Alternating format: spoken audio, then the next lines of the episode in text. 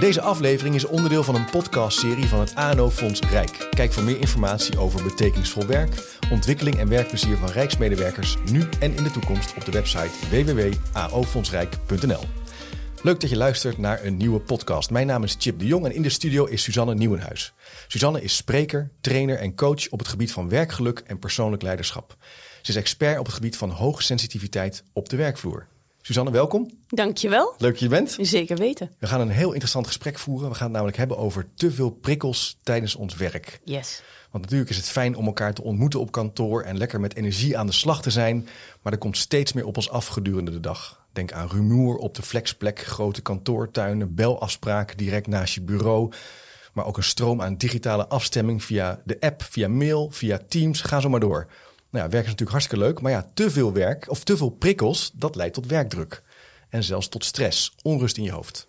Nou, en pas op, je kunt er zelfs ziek van worden. Dus de vraag is, hoe hou je nou balans in al die hectiek? Hoe zorg je voor een fijne werkdag? En is het mogelijk je te wapenen tegen al die prikkels? Nou, daar ga ik over met jou in gesprek, Suzanne. ja. Het is een heel verhaal, maar wel interessant. Ja, absoluut. Ja. absoluut. Hoe ben jij nou expert geworden uh, op het gebied van prikkels en sensitiviteit? Kan je er iets over vertellen? Ja, nou, dat is wel een leuke misschien. Ik ben denk ik een beetje een, een atypische wat dat betreft. Ja? Ik, uh, ik uh, ben eigenlijk jurist van oorsprong, strafrechtjurist. ik heb zelfs in de advocatuur gewerkt. Ja. En um, op een gegeven moment ben ik overgestapt naar de overheid. en daar ben ik Chief Happiness Officer geworden. Kijk. En toen ging ik met werkgeluk aan de slag. Um, en op een gegeven moment ontdekte ik ook bij mezelf dat ik hoogsensitief was. Um, dus die combinatie van werkgeluk en sensitiviteit vond ik heel interessant. Ben ik trainingen over gaan geven en coaching. En uiteindelijk kreeg ik ook heel veel signalen dat dit op de werkvloer speelt. Vooral ook zo, nou, in de periode na corona. Dat mensen uh, gewend waren geraakt aan het thuiswerken. Ja. Op een gegeven moment gingen we weer met z'n allen naar kantoor. Uh, en bereikte mij gewoon heel veel signalen dat mensen daar uh, moeite mee hadden. Oh ja? Ja. Waren ze te veel gewend geraakt aan de rust en Ja. de, de regelmaat van thuis? Ja, en dat hele dubbele, hè, wat jij net ook aangaf, mensen missen aan de ene kant dan wel um, nou, de, sociale, de sociale aspecten, de verbinding Ja. um, met elkaar. En tegelijkertijd waren ze dan na zo'n kantoordag vaak helemaal afgedraaid. Um, dus toen hebben we op een gegeven moment ook in overleg met ANO Fonds Rijk hebben we gekeken, kunnen we hier iets voor aanbieden? Mhm. Uh, toen zijn we gestart met een hele serie masterclasses en workshops. Eerst als experiment. Nou, toen bleek dat dat binnen een paar dagen allemaal was volgeboekt. Toen hebben we nog een serie gedaan en nog een serie. Um, uh, want ja, uh, mensen bleken hier behoefte aan te Er hebben. was veel vraag naar. Ja, was veel vraag naar. Verraste je dat? Um, nou, nee eigenlijk. Nee, toch niet. Nee. Uh, maar wat ik wel, wat me wel verraste, aangenaam was dat een organisatie als het ANO-fonds hier dus in faciliteert. En dat we Ja. op deze manier mensen handvatten kunnen bieden om nou, een ideale hybride werkweek te creëren voor zichzelf. Kijk. Ja. En is het nou in mijn introductie zei ik, er zijn heel veel prikkels op het werk vandaag de dag. Mm. En dat hoor ik ook echt om mij heen, mensen die, die zeggen dat. Maar klopt dat nou? Hebben we nu te maken anno nu met meer prikkels? Hoe zie jij dat? Ja, ik denk dat we anno nu wel met meer prikkels dealen. Hè. Ze, ze, ze zeggen wel eens, uh, wat we vandaag in een dag verwerken aan prikkels, dat is wat je vroeger uh, in een heel leven verwerkte. Um, dus er komt heel veel op ons af. Uh, en tegelijkertijd speelt denk ik mee dat stukje waar we het net over hadden, dat mensen het een beetje ontwend zijn geraakt. Hè, en neuropsychologen die zeggen ook wel, ja, je moet jezelf wel actief blijven blootstellen aan prikkels. Hè. Ons hersensysteem is daarop ingericht om prikkels te remmen. Dus als je daar minder mee oefent, Hm. gaat het systeem uiteindelijk natuurlijk ook minder werken. Dus je kan het echt ook, uh, ja, uh, je, je, kan het ontwennen als het ware. Dus Ja. Het wordt lastiger om er weer mee om te gaan. Ja, exact. Ah, oké. Maar ik, ik kom ook wel collega's tegen die zeggen, nou laat mij maar lekker thuiswerken de hele week. Ja, Dat- Ik krijg zoveel gedaan. ja, Uh, Hoe kijk jij daar dan naar? Want je- je zou zeggen, ja, minder prikkels. ja. Ja. Wat is, wat is de redenering dan? Ja, um, kijk, natuurlijk, iedereen moet kijken wat bij hem of haar het beste past. Ja. Maar ik zie daar wel een bepaald risico in. Hè? Net zoals dat ik mensen alleen nog maar de deur zie uitstappen met van die noise cancelling headphones op het hoofd. Oh ja. Um, ik denk dus dat je daar wel voorzichtig mee moet zijn. Omdat je dus bewust van moet zijn dat je af en toe wel die prikkels moet opzoeken. Um, ja, om je hersenen daarin uh, te laten te laten wennen, Ja, als het ware. Interessant. Dus jij, eigenlijk zeg jij uh, juist je ook af en toe blootstellen. Ja. En niet je constant afschermen tegen prikkels van buitenaf. Exact. Ja. ja, maar er komt natuurlijk wel allerlei zaken komen op ons af vandaag de dag. Hè? Ik denk ook wel dat werk en privé misschien wat meer door elkaar heen loopt. In ieder geval als ik voor mezelf spreek. Ja, die, die app die uh, ratelt af en toe. En die uh, ting, ting, hockey dit, voetbal. Ja. Nou ja, tien minuten gesprek. Ja, precies. Hoe, hoe moet je dat... Ja, is dat, moeten we daar maar gewoon genoegen mee nemen? Is dat gewoon zo? Of moeten we ons daar ook een beetje tegen wapenen? Ehm, ik denk dat het inderdaad wel echt de realiteit is. En tegelijkertijd denk ik dat het inderdaad heel goed kan zijn om je daar wel tegen te wapenen. Hè? Dat Ja. je bewust ook nou ja, nadenkt over hoeveel prikkels laat ik toe. Ja. Ehm, laat ik continu eh, Mic- Microsoft pop-ups aanbieden of eh, hey, je, je, je Outlook-programma. Ehm, kijk ik continu op die telefoon? Moet ik altijd bereikbaar zijn? Ja. Dat ligt natuurlijk ook wel een beetje in je eigen invloedssfeer. Van hoeveel prikkels eh, neem ik tot me? Ja, ja. En, Ja. en hoe weet je nou of je eh, soms overprikkeld kan raken? Want dat lijkt me ook nog wel een. een, een- hoe, hoe heb je dat zelf? eh, hoe ben je zelf aan de slag gegaan daarmee bijvoorbeeld? Kan je er iets over zeggen? Hoe kwam je daarachter? Ja, nou ja, ehm, wat ik vaak zeg ook als je dat voor jezelf wil gaan ontdekken, is ehm, heel simpel soms om te starten, is om eens een dagboekje voor jezelf bij te houden. Hè, ehm, als je dan kijkt aan het eind van de dag, ehm, wat was mijn energieniveau? En geef dat gewoon eens een cijfer op een schaal van 0 tot 10. Misschien scoor je dan op zo'n kantoordag misschien eh, een 4. Ja. Eh, misschien scoor je op een thuiswerkdag een 8. Maar misschien ook wel juist net omgekeerd. Hè? Sommige mensen die vinden het juist heel fijn om prikkels te krijgen. En die raken onderprikkeld, bijvoorbeeld als ze thuiswerken. Oh ja. Maar ehm, het kan dan heel interessant zijn om dat eens te gaan afbellen. En te kijken op die dag dat je slecht scoort, om het zo te noemen. Ehm, om dan eens te kijken wat waren de plusjes en de minnetjes op Ja. zo'n dag. Eh, misschien zie je dan bepaalde patronen na een paar weken. Van goh, eh, als ik drie back-to-back meetings bijvoorbeeld heb. ja. Achter elkaar gewoon. Het gaat maar door. Je hebt precies zonder even oplaad- en schakeltijd. Eh, nou, misschien is dat voor jou iets wat minder goed werkt. En zo kun je dat langzaam in beeld krijgen. Eh, en ik, mijn advies is ook vaak: probeer die eerste signalen van overprikkeling eh, bij jezelf eens op te speuren. Ehm, als het ware, hè, je staat in groen, je voelt je goed. Ja. En langzaam ga je van licht oranje naar donker oranje, naar diep oranje, naar rood, zwaar overprikkeld. Oké. En wat zijn nou bij jou die eerste signaaltjes dat je lichtelijk overprikkeld aan het raken bent? Bijvoorbeeld eh, dat je lichtelijk geïrriteerd raakt. Of dat je merkt dat je moe aan het worden bent. Of ehm, dat je niet meer kunt concentreren. Nou, dat maakt het namelijk makkelijker om weer bij te sturen. Interessant. Ja, Ik, ik, ik zit er meteen op mezelf te projecteren. Ik denk, ja, ik heb dan ook als ik het druk ben de neiging om alles te willen bijhouden. Zo van, als ik Oh het nu niet bijhoud, dan ga ik achterlopen. ja, ja. Misschien als ik nu een dagboek zou eh, bijhouden, zou je zeggen, nou, dan zit ik misschien een beetje in oranje. Dan begin ik, begin ik een beetje te, te hijgen en te rennen. Terwijl Ja. je dan misschien dat eerder al moet nadenken, wacht even, hoe ziet mijn dag er eigenlijk uit? ja. Is dit prettig voor mij? Ja. Want werk heeft natuurlijk een vorm van overspannen, van presteren. Maar je hebt ook een soort onderspanning nodig. Ja, dat zijn Exact. de monniken ook al. En dan ga je, moet je even in de tuin eh, even wat doen. Even variëren in wat je doet. Ja, ja, precies, Ja, ja. precies. En zodra je dat voor jezelf scherp hebt, van wanneer ben ik bijvoorbeeld lichtelijk overprikkeld aan het raken, dan komt stap twee, namelijk wat is dan, dat noemen we goed contragedrag. Wat kan ik op dat moment dan doen Contragedrag. om weer op de nullijn te komen? Oh ja, kan je eens wat zeggen? Wat zou contragedrag kunnen zijn? Misschien een voorbeeld? Nou ja, bijvoorbeeld voor mij persoonlijk is contragedrag is bijvoorbeeld even een korte pauze, al is het maar vijf minuten, waarin ik geen nieuwe informatie tot me neem. Oh ja, Een breinvriendelijke pauze. een breinvriendelijke pauze. Prachtig. Ja, ja, Dus Ja. even een soort stop and think. Even afstand nemen. Even niks tot je nemen. ja. Ik had laatst ook een collega tussen twee, af, eh, tussen twee vergaderingen. Die zei, ik moet even gaan lopen. Een heel kort ro- rondje gelopen. Even eh, door een stukje bos gelopen. En dat was eigenlijk al genoeg om weer even frisser te zijn. Nou, precies. Want het is wel grappig. Hè? Als wij tegenwoordig een pauze nemen, dan zie je ook, dan is een meeting af en dan gaat men gelijk even op de telefoon, even door de Instagram Ja, scrollen. dat is natuurlijk wel een ding, hè? Exact. Die telefoon. De telefoon, het is een vloek en een zegen tegelijk. Ja, het is handig. Ja. Of een podcast, hè, zoals wij nu opnemen, super interessant. Eh, maar als je gaat wandelen met een podcast op je hoofd, dat is niet echt een breinvriendelijke pauze. Oh ja. Een breinvriendelijke pauze is eigenlijk, eh, er is een leuk boek over geschreven door Mark Tichelaar. Ja, Focus aan, focus uit. En hij beschrijft ook heel mooi in dat boek, hij is neuropsycholoog, dat een breinvriendelijke pauze is daar waar het brein even geen nieuwe informatie hoeft te verwerken. Dus met even een wandelingetje bijvoorbeeld buiten, even uit het raam staren, ja. Ehm, een klein huishoudelijk klusje of even bijvoorbeeld, eh, nou, als je op kantoor bent, misschien even naar koffieautomaat lopen. Ja.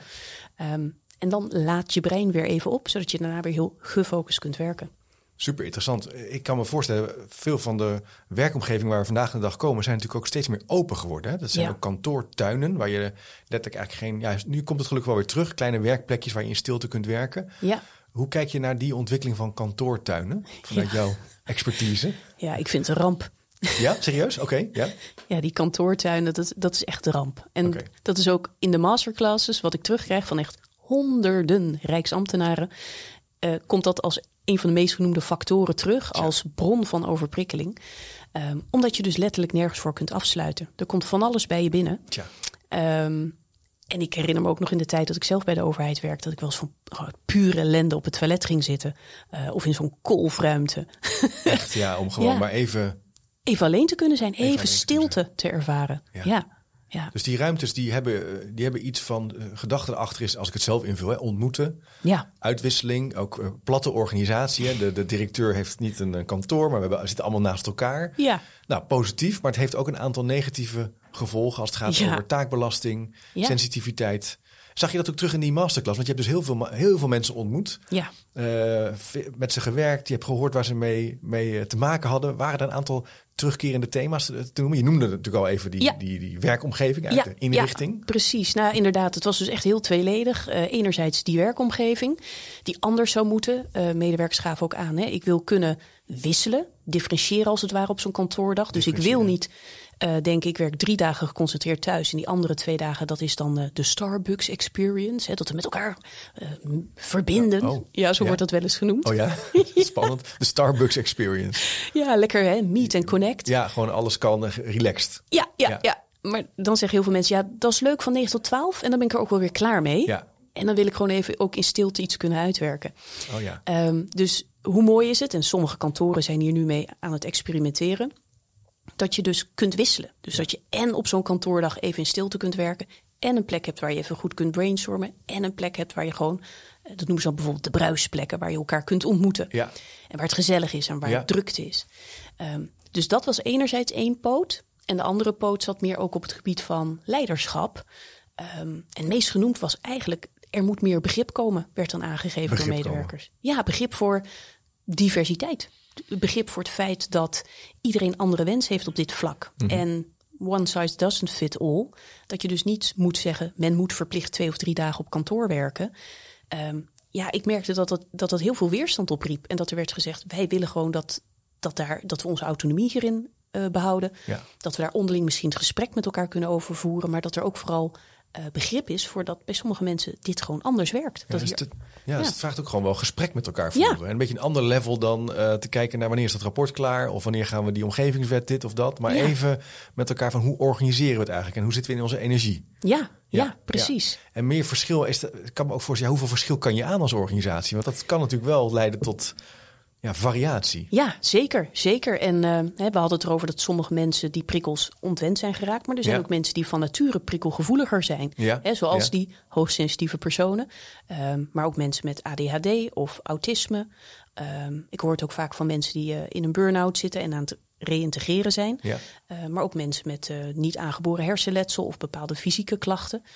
Ehm, die zijn van nature prikkelgevoeliger. En het zou ook mooi zijn als daar wat meer begrip voor komt. Ja. Ehm, dat die werkomgeving en de hoeveelheid uren op kantoor, ja, dat, dat daar maatwerk in wordt gepleegd. Ja. En is begrip, is begrip voor elkaar krijgen... Doe je dat door met elkaar te praten daarover? Is dat de belangrijkste interventie? Of zijn er nog andere... Ik kan me ook voorstellen dat je dat ook gewoon in beleid moet vastzetten. Dat dit ook... Of ja, hoe kijk je daarnaar? Maar bedrijfsmatig het verankeren. Ja, precies. Ja, ik denk dat dat wel lastig is. Ik, eh, ik, ik denk dat je een soort. eh, ehm, je zou een soort richtlijnen wellicht kunnen bepalen, maar die moeten niet, denk ik, te strikt zijn. Nee. Ik, ik denk dat het veel mooier is als je die, nou, die ruimte en dat maatwerk, dat je dat ook gunt, ook aan leidinggevenden Ja, en aan teams.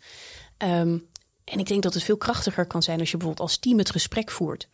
En dat bijvoorbeeld een jonge millennial aangeeft, hè, of iemand die net van baan is geswitcht en die zegt misschien, joh, eh, ik zou graag wat meer collega's op kantoor zien, want Ja. ik weet niet hoe de hazen lopen of ik wil eens een keer zien hoe jij een vergadering voorzit. Ja. Ik denk dat dat een collega die misschien minder graag op kantoor komt, nog eerder zou verleiden om wel te komen, Mhm. dan een manager die zegt, jij moet minimaal twee dagen op kantoor zijn. oké, maar dat is dus ook een soort gesprek met elkaar voeren Ja. over waar sta je in je loopbaan, wat vind je belangrijk, zodat er ook wat uitwisseling is en, en helderheid over hoe je elkaar kunt ondersteunen. Ja, gewoon wat heb jij nodig in het werk? nodig? En, en Ja. dat, kijk, er zullen concessies gepleegd moeten worden, maar dat mensen zich ervan bewust zijn, ja, naast mijn individuele belang is er ook een teambelang Ja. en een organisatiebelang. En hoe kunnen we dat mooi in elkaar laten passen? Ja, ja, ja, ja, precies. Dus beleid is, eh, kan, maar je moet veel verschil toestaan. En het, het beleid zou dan kunnen zijn dat je met elkaar dit organiseert, Ja. deze gesprekken voert. Is er nou verschil tussen jonge mensen en meer ervaren mensen? Ja. Ja, Ja. Qua, met, qua hoe ze omgaan met prikkels of sensitiviteit? Mm, nou, dat niet zozeer, denk ik. Maar ik, ik hoor wel heel veel terug, eh, ook in die masterclasses, maar ook natuurlijk van coaches, hoor ik heel vaak terug dat de jongere generatie, die wil dus meer op kantoor zijn. Ja. Die vindt het dus prettig om letterlijk af te kunnen kijken. Ja, ja, ja. Oh, ja. Ehm, hoe, hoe werk je? Ja. Terwijl mensen natuurlijk met uh, 20 jaar strepen uh, op de schouder, ja, die weten hoe het werkt. Ja. Die hoeven niet naar kantoor te komen om hun werk te kunnen doen. Uh, die, die, die, die, die hebben alle korte lijntjes, die weten precies waar ze de informatie vandaan moeten halen, hoe ze hun taken uit moeten voeren. Dus voor hen is dat veel minder relevant. Ja, dus die, kijken, die gaan ook anders om met prikkels en die, die bepalen anders hun werkweek en hun maand en hun Nou, manier van organiseren misschien? ja, laat ik het zo zeggen. Ze, ze hebben dus minder dat kantoor nodig om het werk goed te kunnen ja. doen. Ja, En eh, ja, hoe ze omgaan met prikkels. Ja, dat kan denk ik voor zowel jong als oud kan dat variëren. Hè. Het, is ook, eh, het is ook maar net ehm, of je dat van jezelf weet. Hè. Dat Ja. stukje zelfinzicht. ja. Ehm, eh, iemand van de jaar of 25 kan daar natuurlijk al veel meer kennis over hebben opgedaan. Veel meer een zelfinzicht hebben opgedaan dan iemand van de jaar of 50. ja. Daar, kom ik ook wel eens mensen tegen die zeggen... ja, ik ontdek eigenlijk nu pas dat ik hier echt best wel veel last van heb. Ja, oké, dat kan dus ook. Dat je nog Ja. zeg maar, ouder bent en dan Ja. pas ontdekt, wacht even, dit is eigenlijk wel iets wat ik al heel lang bij me draag. Ja, exact. Oké, exact. wow, ja, ja, ja, precies. Ja, Fascinerend. Het is, het is- ik heb het idee dat het iets is wat langzaam begint op te komen in onze samenleving, maar we eigenlijk nog heel weinig van afweten en Ja. gelukkig wel steeds meer mee doen. Precies, en hè, er wordt natuurlijk ook veel meer over gesproken. Dus mensen zullen denk ik ook wat sneller tegenwoordig zoiets herkennen bij zichzelf. Ja. En nou, misschien ook zich wel meer gesteund voelen om het erover te hebben. Ja. Wat ik interessant vond, is dat jij zei, je haalde die prikkels ook een beetje uit elkaar. Je, hebt, je, hebt, je zei, je hebt zeg maar externe prikkels, even mijn eigen woord, dingen die op je afkomen. En Ja. je hebt intern hoe je ermee omgaat. Ja. Kan je dat nog eens wat verder uitpakken, wat je daarmee Ja. bedoelt? Want dat is ook wel behulpzaam volgens mij. Ja, nou dat is inderdaad wel een leuke, want ehm, het idee bestaat vaak van ik heb last van al die externe prikkels. Dus van die kantoortuin en van die collega die naast me staat te precies. kletsen. En neuropsychologen die zeggen soms heb je eigenlijk meer last van de interne prikkels. Dus dat zijn bijvoorbeeld jouw gedachten over een situatie of de emoties die ontstaan. Dus stel iemand staat naast jou te kletsen, Ja. dan kan het zomaar dat je dus eigenlijk stiekem meer geprikkeld raakt door het feit dat jij dan denkt: jee, wat asociaal. Ik heb hier echt al drie keer iets over gezegd. Dat doe je toch niet? En vervolgens gevoelens van frustratie, irritatie, you name it. Dat kan vaak meer prikkelend zijn dan het gesprek aan zich. Ja, interessant. Dus je doet je eigenlijk jezelf ook een beetje aan. ja, Je gaat in je hoofd allerlei denkpaadjes gaan eraan. Allerlei Ja. hormonen worden Ja. opgestart. En je bent helemaal... Adrenaline, Adrenaline. ja. En je zit je te ergeren. Maar ja, daar ben je mooi klaar mee dan als je dat hebt. Dus ik herken dat ook wel. Dat je soms zit je ergens en denkt, ja, dit is toch een stiltecoupé. Weet je wel? Ik heb al zo vaak moeten zeggen tegen iemand, puntje, puntje, puntje. Maar, wat moet je daar... Oké, dan weten we dat nu. Wat kan je daarmee doen dan? ja. Nou ja, kijk, een leuke methode is natuurlijk wel ehm, om er als een helikopter even boven te gaan hangen. Oh ja. Ehm, en dan eens even van een afstandje naar jezelf te kijken van, goh, wat, wat denk ik nu dus allemaal? Wat Ja. roept dit gedrag Ja. van die ander allemaal bij mij op? Wat merk ik eigenlijk van binnen wat er gebeurt? En dan zou je bijvoorbeeld kunnen denken, nou, ik ga eens eventjes, eh, ik doe bijvoorbeeld een kleine ademhalingsoefening. Of ik doe even een kleine bodyscan. Hè, dat je bijvoorbeeld weer even, in plaats van dat hele extern gerichte, je aandacht verlegt naar binnen. Oh. Ja. Dus dan voel je eventjes, en dat kan gewoon achter je bureau, hoe staan mijn voeten op de grond? Ja. Eh, hoe zit ik, mijn recht rug? zitten. Ja. En dan zie je zo vaak, doordat dan die aandacht shift, dat va- vaak dat geluid ook wat super ja, wegfiltert, als het ware. Ehm, maar je dus ook, mindfulness. nou ja, eigenlijk wel. Het zijn kleine van dat soort techniekjes die je kunnen helpen. ehm, om, dat hele, om die hele interne wereld wat tot bedaren te brengen. Waardoor je uiteindelijk ook iets minder last hebt van die externe prikkels. Ja, ja. Even, dus als je, als je dit nou meemaakt, ga even goed zitten. Doe even een ademhalingsoefening. Terug naar je, naar je lichaam. Hoe zit je erbij? Ja, En ga dan even opnieuw naar de situatie kijken. Dan wordt het wat rustiger. En dan Ja. kan je beter ook mogelijk, als je iets aan wil doen, ja. druk je waarschijnlijk ook wat helderder uit. precies. Dus dat is ook nog wel. eh, Observeer even de gedachten. Dus eh, eh, dan neem je wat afstand en denk, goh, grappig. Ja. Ik, ik denk nu dat ik dit eigenlijk heel asociaal vind. En ik merk aan mezelf dat ik er nu eigenlijk best wel geïrriteerd over word. ja. Alleen dat al, van zo'n klein afstandje, helpt je vaak om er even uit te schieten. ja. Wat, wat ik wel va- vaak zelf dan ook herken, is dat als je dan eenmaal in gesprek gaat over zo'n situatie als dit, dat die ander zich helemaal niet heeft gerealiseerd dat hij asociaal is. Nee. Of die denkt gewoon leuk, ben lekker hier aan het werk. Ik zit vol in de flow, hè? Mijn derde telefoontje. Ik, ik, het gaat hartstikke goed. Ja, precies. Dus daar heb je ook iets met elkaar dan te doen in zekere zin. ja, ja, Ja, ja, ja. Dus het is een beetje van binnen naar buiten en van buiten naar binnen gaan. En een beetje bewust worden dat, dat je dus dingen kunt doen. Even een kleine uitstapje, dat mindfulness. Want dat, dat, daar kwam, kwam ik een beetje op. Is dat iets wat, wat kan helpen? Dat soort technieken, ademhalingsoefeningen? Ja, ja, zeker Daar ben wel. je wel positief over. Ja, zeker wel. En het leuke is, eh, volgens mij waren ze ook bij jou te gast een paar afleveringen geleden. Hè? Mindful. Rijk. Ja. ja, is ook een samenwerkingspartner van mij. Dus ik, ik, ik denk dat er hele mooie methodieken in zitten om nou ja, ook te leren hoe je met die interne prikkels omgaat. Ja. En daarnaast kun je inderdaad natuurlijk wel met zo'n externe prikkel aan de slag door nou, een grens aan te geven, het gesprek met zo'n collega te voeren Ja. vanuit jouw behoeftes en wat je fijn zou vinden. Ja, Eh, soms is iemand zich er inderdaad helemaal niet van bewust. nee. nee. Ja. Super interessant. Ehm, hoe maak je nou onderscheid eh, tussen, je zou kunnen zeggen, het persoonlijk belang, wat je zelf belangrijk vindt, maar ook het team waar je in acteert, waar je ook een resultaat wil halen, en misschien ook het hogere belang van de organisatie waar je, waar je werkt. Is dat, iets, is dat uit elkaar te halen wat jou betreft? Of maak ik het al veel te plat? Ehm, even denken hoe dat voor medewerkers uit elkaar Ja, te halen ja. is. Ehm, Als je hier wat mee wil doen. ja, Want je, kan, je zou kunnen zeggen, ja, dat, ik, ik wil gewoon heel graag ja, eh, een rustige werkomgeving eh, hebben en zo min mogelijk prikkels. ja, Maar eigenlijk zeg jij, ja, maar er is ook nog iets als, zoiets als een groter belang, het Ja. team. ja. Waar ervaren, minder ervaren mensen zijn waar je van elkaar wil leren. Moet je het daar ook meer met elkaar over hebben in die drie trap? Ik denk dat dat heel nuttig zou kunnen zijn. En ik denk dat dat kan helpen om dan afgewogen keuzes te maken. Ja, Sommige concessies. Ehm, ik denk dat dat kan helpen. En vanuit daar, als je dan nou, met elkaar een soort consensus hebt bereikt, kun je ook kijken, en wat kan ik dan binnen deze bandbreedte doen om bijvoorbeeld zo'n kantoordag zo prettig mogelijk te maken. Misschien kom je wel uit op eh, een oplossing dat je halve dagen naar kantoor gaat.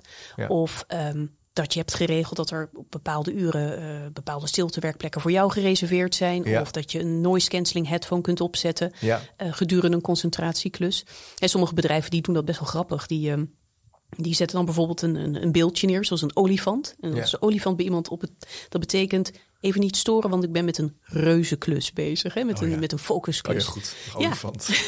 Zo'n olifantje. Dus ehm, ik denk inderdaad dat eerste gesprek moet gevoerd worden. Ja. En afhankelijk van die uitkomst kun je ook gaan kijken en tweaken. En waar kan ik kleine handigheidjes toepassen om die kantoordag... ehm, Ja. als ik er dan ben, zo prettig mogelijk te maken. Ja, prettig, maar ook eens productiever uiteindelijk. Het Ja. heeft ook iets onder de streep. Hè? Als, je het even, als je het zakelijk zou benaderen, word je er ook gewoon een betere professional van. Ja, nou ja, ja, ja ik denk het wel. Dat haal ik eh, er ook wel uit. Ja. ja, en ik denk dat ook belangrijk is, daar hebben we het misschien nog niet over gehad, ook het stukje verwachtingsmanagement. Ik zie ook wel mensen die gaan naar kantoor. Ja. En eh, dan verwachten ze ook dat ze heel veel gedaan krijgen naast al die vergaderingen Oh ja. en al die social Oh ja. talk. En het helpt vaak ook wel als je voor jezelf een soort minimum bepaalt, het begin van de dag. Van oké, wat zijn de drie doelen of taken die ik vandaag graag gedaan wil krijgen? En op een kantoordag kan dat misschien zijn überhaupt de vergaderingen overleven, wat small talk, hè? je smeerolie voor Ja. je werk. ja, En alles wat ik extra afkrijg is winst. dus ook realistische doelen stellen. Ja, Dus je mag, Ja. be- mag best hoge verwachtingen hebben over wat je, wat je wil bereiken. Maar probeer ook even goed te kijken naar zo'n dag van wanneer ben ik nou tevreden. Ja. Want voor mij is het allerergste natuurlijk dat je denkt, ik ga tien dingen doen. En dan ga je heel druk en dan rij je naar huis in de trein. Of, en dan denk je, nou, Ja. valt toch tegen. Dus Dat- probeer ook goede doelen te stellen. ja, dat helpt ook bij je gevoel van voldoening aan het eind van zo'n dag. Maar ik denk ook dat het gedurende die dag dus, weer even dat linkje naar de interne prikkels, helpt om dus een hoop frustratie te voorkomen. Ja, ja, Ja. dat wil je natuurlijk uiteindelijk ook doen. Minder frustratie, Ja. een prettigere werkdag. Ja, Hangt het nou ook, en dat denk ik nu echt ter plekke, we hebben natuurlijk ook wel impliciete normen over wat goed is. Hè? Dus bijvoorbeeld bij sommige werkomgevingen ja, moet je om acht uur beginnen. ja, Ik heb ooit een keer stage gelopen en dan eh, ging ik om vijf uur weg. Want dan was mijn stagetijd erop. En dat was best wel een ding. want ik moest nog heel ver reizen. En ik Ja. had er wel keurig overleg, maar ik werd toch altijd een beetje aangekeken. ja. Eh, en dan is blijkbaar de norm is, ja, je moet wel tot zes uur blijven. Ja. Half zeven het liefst. Ja. En ik dacht, ja, Amahula. Ja, Eh, hoe, hoe speelt dat mee? Impliciete opvattingen over wanneer je weg mag gaan?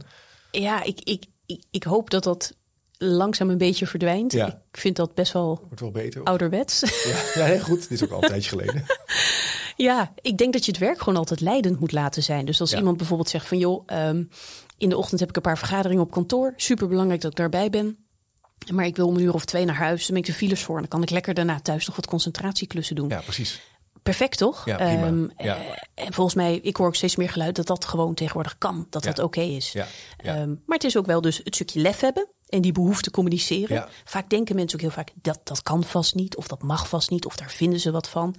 Vaak is dat helemaal niet zo. Je moet gewoon over gaan praten. Ja. Dus die, die, die terugtrekkende beweging die we het afgelopen jaar zagen na corona, dat er toch meer werd gestuurd. Je moet weer nu zoveel dagen op kantoor. Daarvan zeg jij, pas even op. Ga even goed nadenken Ja, over hoe je dat werk op een prettige manier indeelt met elkaar. ja, Want dan word je waarschijnlijk productiever en heb je minder last van prikkels. precies. Kan je er beter mee omgaan. Ja, absoluut. Super interessant. Ehm, misschien tot slot nog een leuke oefening. Ja, ik vond het dus al interessant, hè, die mindfulness oefeningen. Even nadenken, die bodyscan. Ja. Dat dagboek. Wat, zijn, zijn, wat heb je nou nog misschien tot slot een, een, een tip voor een luisteraar die denkt, nou, ik wil hiermee aan de gang. Stel je voor, je gaat een dagboekje kopen. Wat zijn dan dingen die je moet opschrijven om, je, om, je, ja, om, om wat richting te geven?